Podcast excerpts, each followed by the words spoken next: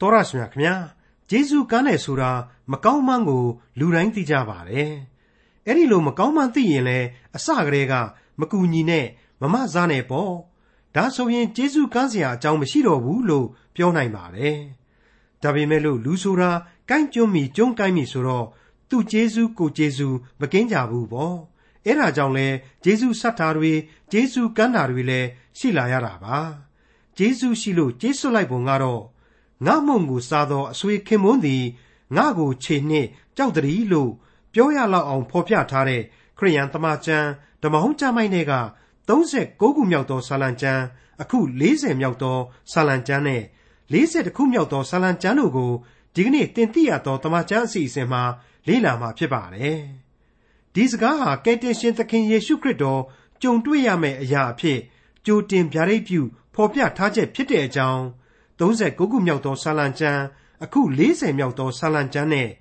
40ခုမြောက်သောဆာလံကျမ်းတို့ကိုဒေါက်တာထွန်းမြတ်ရေးကအခုလိုလေ့လာရှင်းလင်းတင်ပြมาဖြစ်ပါတယ်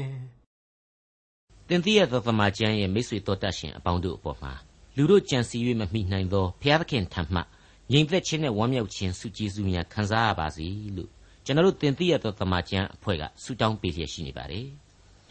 ဒီကနေ့သင်ခန်းစာများအဖြစ်ကိုတော့ကျွန်တော်တို့36ခုမြောက်သောဆာလံပီခြင်းများမှစတင်ပြီးတော့လေ့လာသွားကြပါမယ်ဒီ36ခုမြောက်သောဆာလံကတော့တာမန်အားဖြင့်ဆိုရင်အတုပအခန်းအနားများအောက်မေ့ပွဲအခန်းအနားများဇာပနဝတ်ပြုပွဲများအတွက်အများဆုံးအသုံးပြုတဲ့ဆာလံပီခြင်းဖြစ်ပါတယ်အများဆုံးအကိုအကာပြုရတဲ့ဆာလံပီခြင်းလို့ဆိုကြပါတယ်လူဘဝရဲ့ချိနဲ့အားပြော့တတ်ခြင်းမရေမရာရှိခြင်း သိငယ်သိနှုတ်ခြင်းအကြောင်းတို့ကိုအလေးအနက်ဖော်ကျူးသွားမဲ့ဆာလံတည်ခြင်းပဲလည်းဖြစ်ပါတယ်ဓမ္မသုတေသီအများစုကတော့ဒီ36ခုမြောက်သောဆာလံဟာဖြင့်ဆာလံတည်ခြင်းတွေထဲမှာတော့ဆွေးဆွေးမြေ့မြေ့အရှိဆုံးသောဆာလံကြီးပဲဆိုပြီးတော့သတ်မှတ်ကြပါတယ်ဒင်းပရိုနီဆိုတဲ့ပုဂ္ဂိုလ်တယောက်ကတော့ဒီ36ခုမြောက်သောဆာလံအပါအဝင်ဆာလံတည်ခြင်းတွေအချို့ရဲ့အကြောင်းကိုဝေဖန်ရမှာ ဆာလံဆရာဟာသူ့ရဲ့အတွေးတွေနဲ့သူဖိစီးနေဟန်ရှိတယ်အကျဉ်းနာအသနာမရှိတဲ့လူဘဝကြီးအတွက်လေအင်မတန်ကိုစိတ်ကုန်ခန်းသွားနေတယ်လို့ခံစားနေရတယ်ဒါကြောင့်မလို့တခါတရံမှညီးတွားတာတွေများနေပြီးတော့ဘုရားသခင်ဆန့်ကျင်ရေးသမားတွေကတောင်မှသူ့ဆာလံတွေနဲ့ဘုရားသခင်ကိုပြည့်ရပြုကျင်စရာတွေဖြစ်နေတတ်တယ်ဆိုတာကိုသူ့ယင်းထဲမှာခံစားရတယ်ဒါပေမဲ့သေသေးချာစဉ်းစားလိုက်တော့ဒီလင်္ကာယဆာလံတီးတွေဟာ လူတယောက်ကသူ့စိတ်နဲ့သူပြိပက္ခဖြစ်နေတာတွေကိုမူတီရေးသားတယ်လို့မခံယူတတ်ဘူးဖျားသခင်နဲ့သာတိုက်ရိုက်စကားပြောနေခြင်းဖြစ်တယ်ရင်ဖွင့်ပြောပြနေခြင်းဖြစ်တယ်လို့ခံယူရမယ်ဒီဆာလံတီချင်းတွေကိုလေ့လာရမှာဝိညာဉ်အလင်းနဲ့သာမှတ်ကြောက်တင်ရမယ်သဘောထားမျိုးရှိတယ်ဆိုတဲ့အကြောင်းကိုဖော်ပြလိုက်ပါတယ်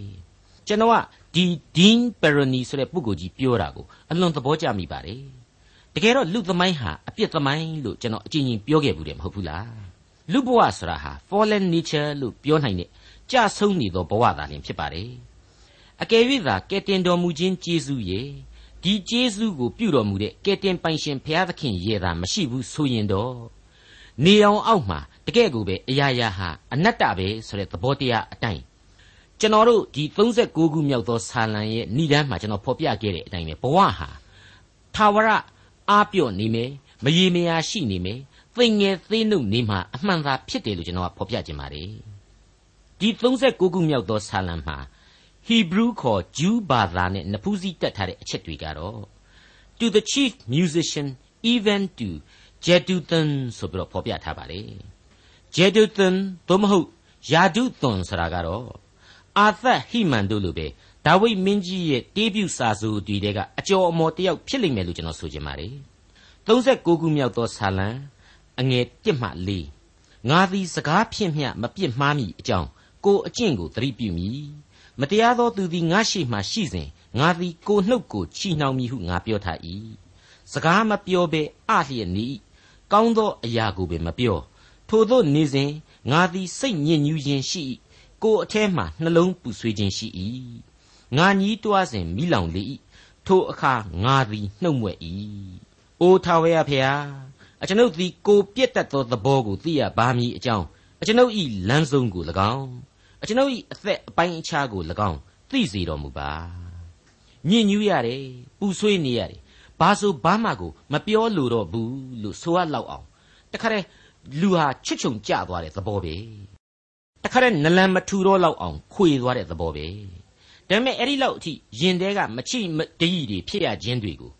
ရင်ထဲကခံစားနေရတဲ့ဒုက္ခဝေဒနာတွေကိုလူအချင်းချင်းမပြောခြင်းမဆိုခြင်းမတိုင်ပင်ခြင်းလောက်အောင်ရှိနေပြီမေနောက်ဆုံးမှာတော့ဘုရားသခင်ကိုတော့စတင်တိုင်တီလိုက်ရပြန်တယ်တဲ့ဒီလိုဆိုလိုခြင်းပဲအဲ့ဒါဟာဒါဝိဒ်ရဲ့အသက်တာကယုံကြည်ခြင်းသက်သေလို့ကျွန်တော်ကဆိုခြင်းတယ်အလွန်တရာကောင်းမွန်တဲ့လူဘဝပုံသက်သေကောင်းဖြစ်တယ်လို့လည်းကျွန်တော်လေးနဲ့စွာခံယူခြင်းပါတယ်အိုထာဝရဖေဟာကျွန်တော်ကျမတို့ဟာ ခန္ဓာမြေခကြွေကိုကြွေကြရတဲ့လူဘဝသားတွေကြီးသာဖြစ်တယ်ဆိုတာကိုကိုကိုကိုသေသေးချာချာသိနာလေဖို့သွန်သင်ပေးလိုက်တယ်လို့ပါပဲနေရတခဏကြွေရသောလူဘဝဘာဆိုဘာမျှမရေရာလားဆိုတာကိုနားထောင်လို့ကောင်းယုံလောက်ပြောနေတာမျိုးမဟုတ်ဖ ೇನೆ စိတ်ဝိညာဉ်အသိတရားနဲ့ပူးတွဲပြီးတော့သွန်သင်တော်မူပါဆိုတဲ့သဘောကိုဒီဆုတောင်းတံမှာဖော်ပြနေပါတယ်39ခုမြောက်သောဆာလံ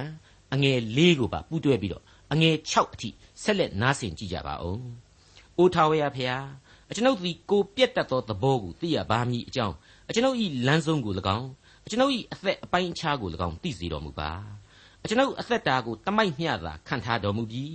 အကျွန်ုပ်အသက်အရွယ်သည်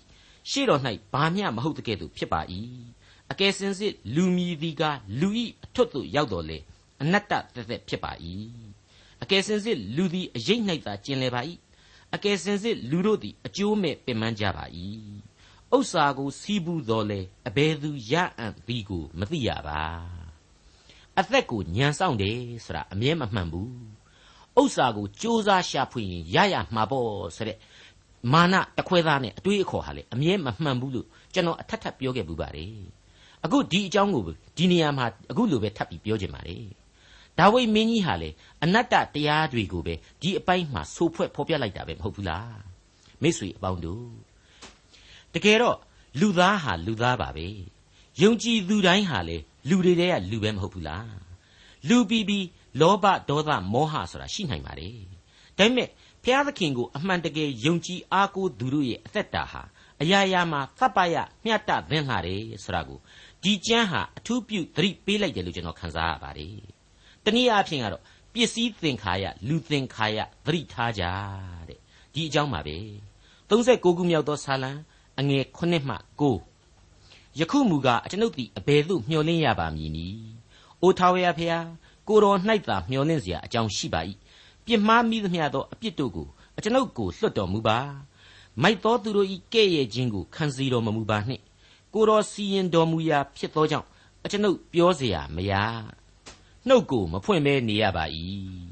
ဘလောက်ကောင်းတဲ့အနုယသဖြစ်တယ်ဆိုတာကိုကျွန်တော်ကတော့စာပေသမားတယောက်အနေနဲ့ယင်ထဲမှာချီးမွမ်းလို့မဆုံးပါဘူးအဲ့ဒီအနုယသဆိုတဲ့အနုပညာရဲ့အယသာတဲကိုအနှစ်သာရဖြစ်တဲ့ဝိညာဏယသကဖြည့်ဆွက်လိုက်တဲ့အခါမှာတော့နှိုင်းရှင်ပွဲမရှိတော့တဲ့အဆိုအဖွဲဖြစ်သွားရပါတယ်မြင်မြင်သမျှသင်္ခါရရှင်သန်သမျှအနတ္တဆိုတဲ့ကျွန်တော်စောင်းကပြောခဲ့တဲ့အတိုင်းလူဘဝအဖို့မျော်လင့်စရာဟာ ဘုရားသခင်ကလွဲပြီးတော့ဘာများရှိသေးလို့လဲတဲ့ဒီအချက်ကိုဒါဝိမင်းကြီးဖော်ပြလိုက်ခြင်းပါပဲအဲ့တော့သူစောစောကခံစားခဲ့ရတဲ့အနတ္တတရားတွေဟာချက်ချင်းပဲသူမျှော်လင့်တဲ့ဘုရားသခင်အားဖြင့်အဖိုးအ내ကမဖြတ်နိုင်တဲ့တရားတွေဖြစ်သွားရပြီမဟုတ်ဘူးလား39ခုမြောက်သောဆာလံအငယ်30မှ73အကျွန်ုပ်ကိုဒဏ်ခတ်တော်မမူပါနှင့်အောင်လက်တော်အောက်၌ဆုံးမခြင်းကိုခံရ၍အားကုန်ပါပြီ ကိုတော်သည်လူတို့အပြစ်ကြောင့်ဆုံးမ၍ပြစ်ဒဏ်ခတ်တော်မူလျင်ပိုးရွဖျက်တတ်တဲ့ကဲ့သို့လူတို့၏တင့်တယ်ခြင်းအသရေကိုပြေပြောက်စေတော်မူ၏အကယ်စင်စစ်လူခတ်သိန်းတို့သည်အနတ္တသက်သက်ဖြစ်ကြပါ၏အိုးထာဝရဘုရားအကျွန်ုပ်ဆုတောင်းခြင်းပတနာကိုကြားတော်မူပါအကျွန်ုပ်အော်ဟစ်သောအသံကိုနားထောင်တော်မူပါအကျွန်ုပ်မျက်ရည်ကိုကြည့်၍နေတော်မမူပါနှင့်ဘိုးဘေးအပေါင်းတို့သည်ဖြစ်ဖူးတဲ့ကဲ့သို့အကျွန်ုပ်သည်ရှေ့တော်၌ဧည့်သည်အာဂန္တုဖြစ်ပါ၏ အကျွန်ုပ်သည်ရွေသွား၍မပြောင်းမှီတွင်တက်သာရမည်အကြောင်းမျက်နှာလွှဲတော်မူပါကျွန်တော်ယင်ထဲမှာရှိတာကိုမချွင်းမချံပြောရမယ်ဆိုရင်တော့ဆာလန်ဆရာလင်္ကာရှင်ကြီးရဲ့အဲ့ဒီအဘိဓမ္မာကိုအဆက်ဆက်သောအဘိဓမ္မာသမားတွေဟာတွဲဝိုက်သောနီးတွေနဲ့မှီညမ်းခဲ့ကြတယ်ကိုးကားခြင်းပြုခဲ့ကြတယ်ဒါပေမဲ့ဆာလန်ဆရာကိုသူတို့နာမည်တမင်ဖျောက်ထားတယ်လို့ကျွန်တော်ယူဆပါတယ်နှုတ်ကပတ်တော်ရဲ့စာသားတွေကိုဝိညာဉ်ရေးနှလုံးသားအသိမပါပဲဆွဲယူခဲ့ကြတယ် ခိုးဝှက်သုံးဆွဲခဲ့ကြတယ်လို့ကျွန်တော်တွက်ပါတယ်ဆွဆွဲမိပါတယ်မိษွေအပေါင်းတို့ရှေ့တော်မှာဧည့်သည်အာဂန္တုသာဖြစ်ပါတယ်ဆိုတဲ့ကျွန်တော်တို့ဘဝဟာသမိုင်းဟောင်းကိုလှည့်ကြည့်ပြီးတော့အသစ်အသစ်သောနိုင်ငံရေးအတွေ့အခေါ်တွေအသစ်အသစ်သောစီမံကိန်းကြီးတွေသူတေသနာတွေအမျိုးမျိုးလုပ်နေကြပါတယ်အဲ့ဒီအထက်မှာဝိညာဉ်ရေးအတွေ့အခေါ်များအသစ်မပြုတ်ပြင်နိုင်ကြတော့ဘူးလားကိုနဲ့တကွကိုချစ်တဲ့ကိုရဲ့သားသမီးတွေ ကိုကိုတန်ရောစဉ်ရှိတဲ့ကိုပတ်ဝန်းကျင်မိတ်ဆွေသင်္ကဟတွေကိုဒီယုံကြည်ခြင်းအမွေပေးဖို့မဆုံးဖြတ်ကြတော့ဘူးလားယာယီတခဏဖြစ်တဲ့မြေကြီးပေါ်မှာလူပီပီတော့ဆက်လက်ရှင်သန်ရမယ်လူဘဝဝန်တာတွေကိုလည်းထမ်းရွက်သွားကြရမယ်ဒါပေမဲ့ကိုဟာမကြာမီမှာရွေ့သွားရမယ်လူဘဝဆိုတာကိုကိုကိုကိုသိနာလေပြီးတော့ဟေဘရဲဩဝါဒစာအခန်းကြီး7အငယ်6နဲ့10မှာဖော်ပြထားတဲ့အနှစ်ချုပ်အဖြေကိုရှားဖွေကျင့်သုံးသင်လာပါတယ် အဲ့ဒီအဖြေကတော့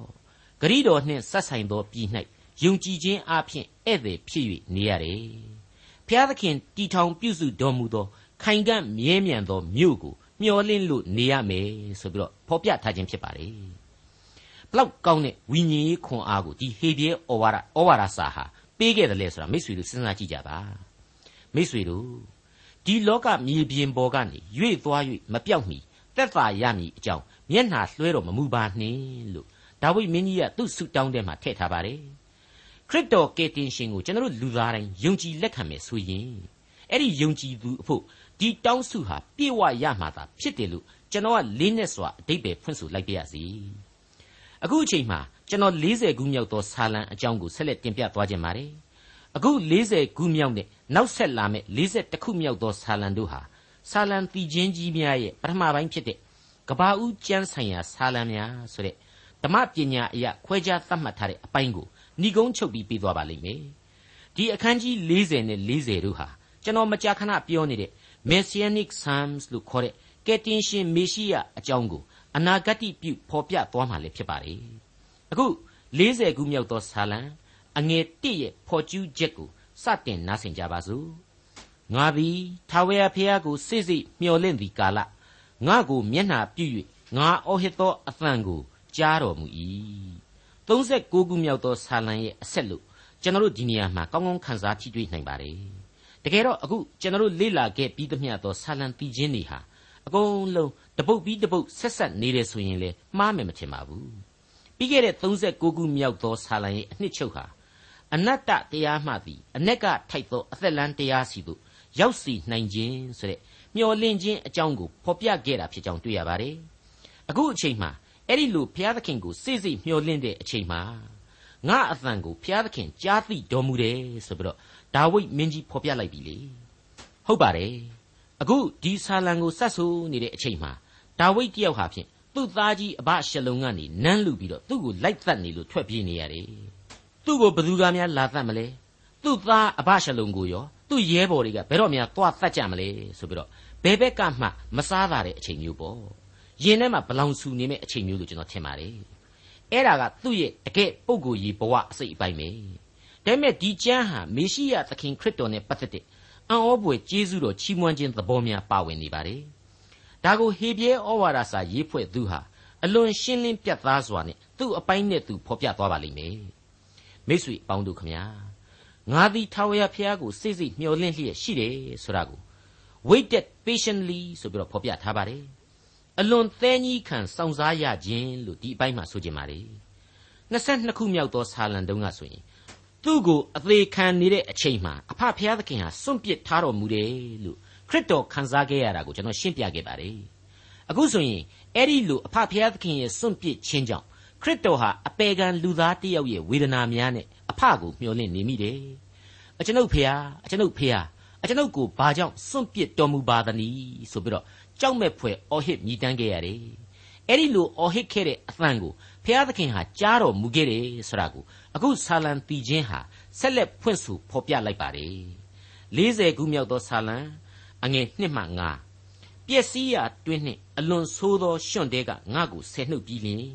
ငါခြေတို့ကိုကြောက်ပေါ်မှတင်၍ငါခြေရာတို့ကိုတီးစေတော်မူ၏ထို့သောငါတို့ဖျားသခင်ကိုချီးမွမ်းရာပြီးခြင်းသစ်ကိုငါမွဲ့ဆိုစေခြင်းဟာအခွင့်ပေးတော်မူ၏လူများတို့သည်သိမြင်၍ကြောက်ရွံ့သောစိတ်နှင့်ထာဝရဘုရားကိုကိုးစားကြလိမ့်မည်မမာနထောင်လွှားသောသူနှင့်မိစ္ဆာတရားလမ်းသို့လွှဲသွားသောသူတို့ကိုမမိဝဲထာဝရဘုရားကိုကိုးစားသောသူသည်မင်္ဂလာရှိ၏အကျွန်ုပ်ဤဘုရားသခင်ထာဝရဘုရား အကျွန်ုပ်အဖို့ပြုတော်မူသောအံ့ဩဖွယ်အမှုတို့နှင့်ကြံစီတော်မူသောအကြံအစီတို့သည်များလှပါ၏ရှေ့တော်၌အစဉ်အတိုင်းလျှောက်၍မကုန်နိုင်ပါအကျွန်ုပ်ထုတ်ဖော်ကြားပြောမည်ဟုဆိုသောရေတွက်၍မကုန်နိုင်အောင်များလှပါ၏ဖျားသခင်ကိုချီးမွမ်းရာတည်ခြင်းသည်ဆိုတာကတခြားမဟုတ်ပါဘူးကယ်တင်ခြင်းကျေးဇူးတော်ရဲ့ဘွဲ့ပဲပေါ့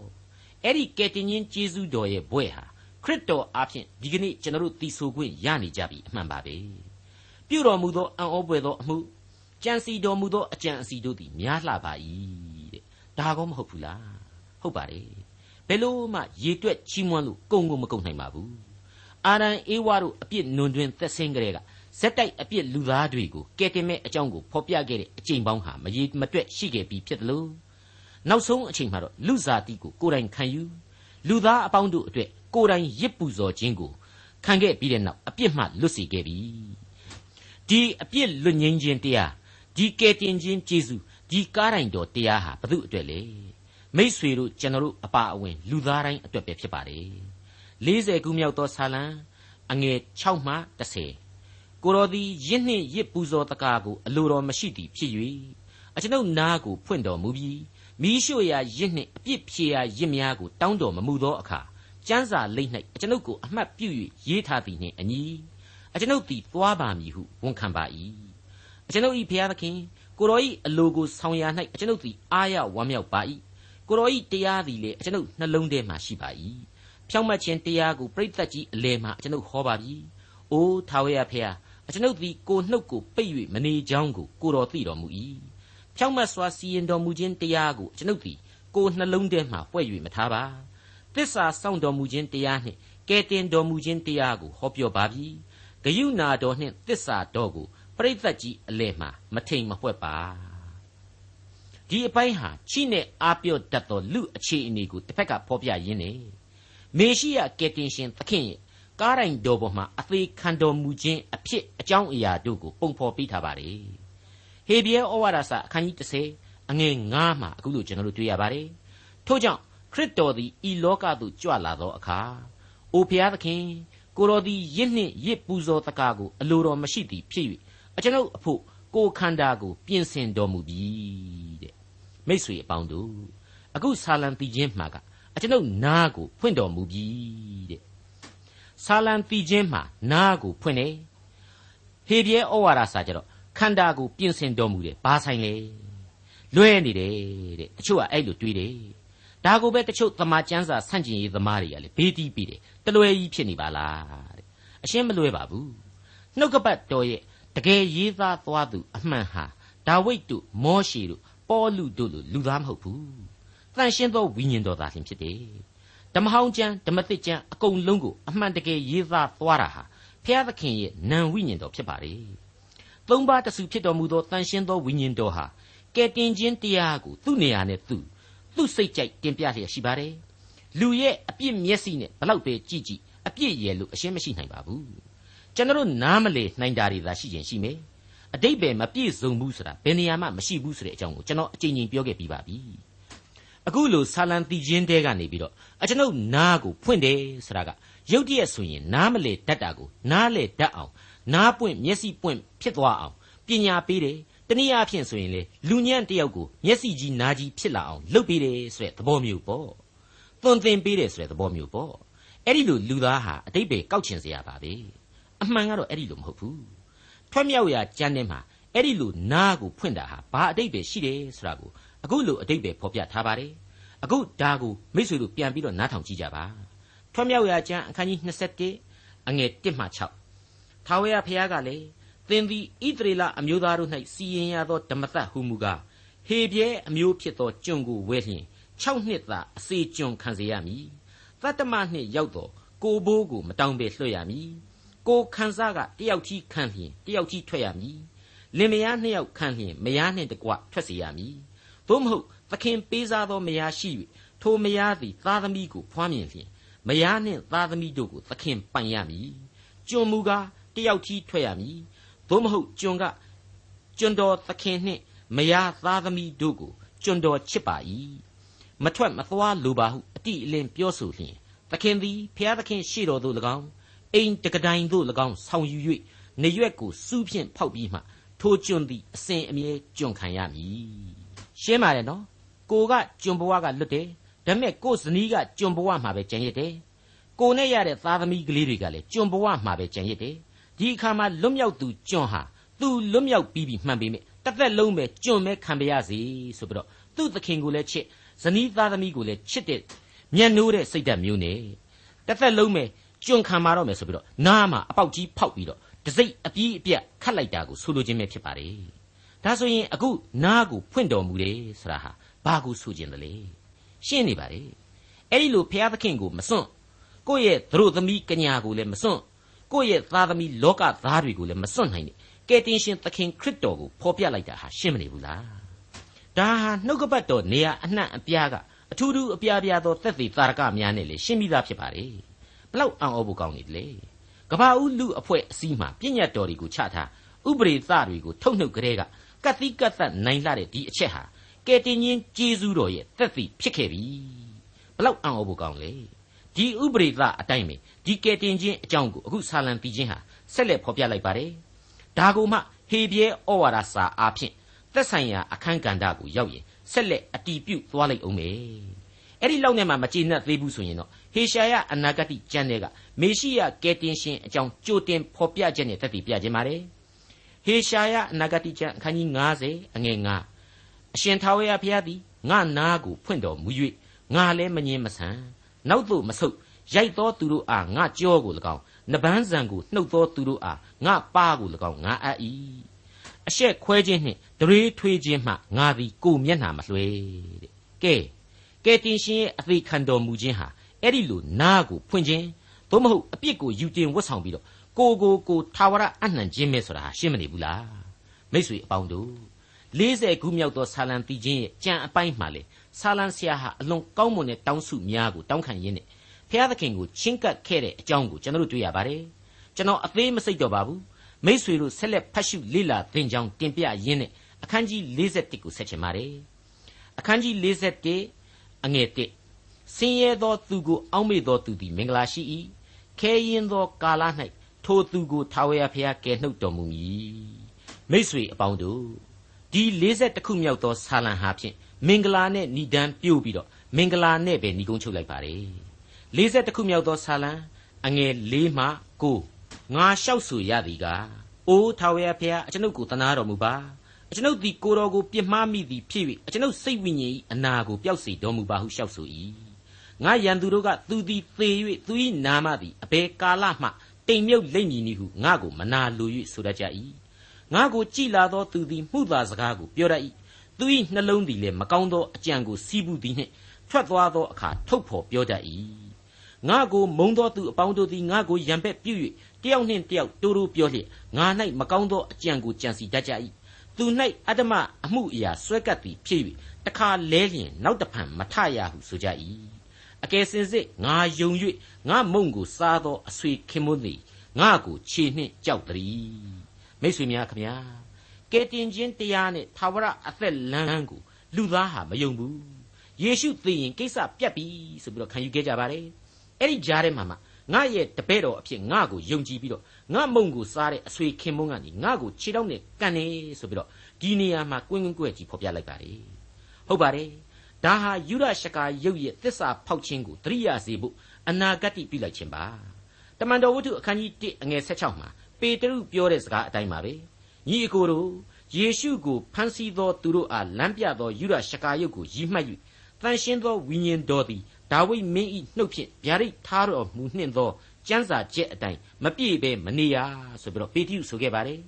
အမှန်တကယ်ပဲဒီဗျာဒိတ်ဟာယူရရှကာရုပ်အဖြစ်ပြည့်စုံသွားခဲ့ရပြီ40ခုမြောက်သောဆာလံအငယ်30မှ73အိုးထာဝရဘုရားသူတို့၏အပြစ်ကိုအကျွန်ုပ်ဆက်ပေးနိုင်မည်အကြောင်းအကျွန်ုပ်ကိုသနာ၍ထမြောက်စေတော်မူပါ အကျွန်ုပ်၏ရန်သူသည်အကျွန်ုပ်အားမနိုင်ကြောင်းကိုထောက်၍ကိုတော်သည်အကျွန်ုပ်ကိုမျက်နှိုးတော်မူသည်ဟုသိရပါ၏ကိုတော်သည်အကျွန်ုပ်ကိုအကျွန်ုပ်စုံလင်ခြင်းအရာ၌မဆ၍ကာလအစဉ်အဆက်ရှေ့တော်ထံမှနေရာပေးတော်မူလတံဣသရေလအမျိုး၏ဘုရားသခင်ကြီးဟုသောထာဝရဘုရားသည်ကဘာအဆက်ဆက်မင်္ဂလာရှိတော်မူစေတည်းအာမင်နှင့်အာမင်အာမင်နှင့်အာမင်ဆရာဟာစိတ်ဆက်စုံလင်တဲ့အတိတ်ပဲကိုဖော်ပြပေးလိုက်ပါတယ်ဟုတ်ပါတယ် ဘုရားသခင်အနေနဲ့လူစားတိကံကယ်တင်ရှင်ရဲ့ရှင်ပြန်ထမြောက်တော်မူခြင်းကောင်းကင်ဘုံသို့တက်ကြွခြင်းဘုရားသခင်ပလင်တော်လက်ရဘက်မှစိုးစံနေတော်မူခြင်းအပြင်အပြစ်လူပေါင်းအတွက်ကယ်တင်ခြင်းတရားဟာအတီးဖြစ်သွားပြီ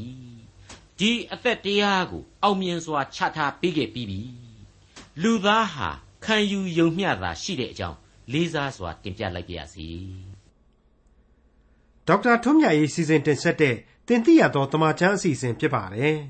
နောက်တစ်ချိန်အစီအစဉ်မှာခရိယန်တမချန်းဓမ္မဟောင်းကျမ်းပိုင်းမှာပါရှိတဲ့42ခုမြောက်သောစာလံကျမ်း43ခုမြောက်သောစာလံကျမ်းနဲ့44ခုမြောက်သောစာလံကျမ်းတို့ကိုလေ့လာမှဖြစ်တဲ့အတွက်စောင့်မျှော်နားဆင်နိုင်ပါတယ်။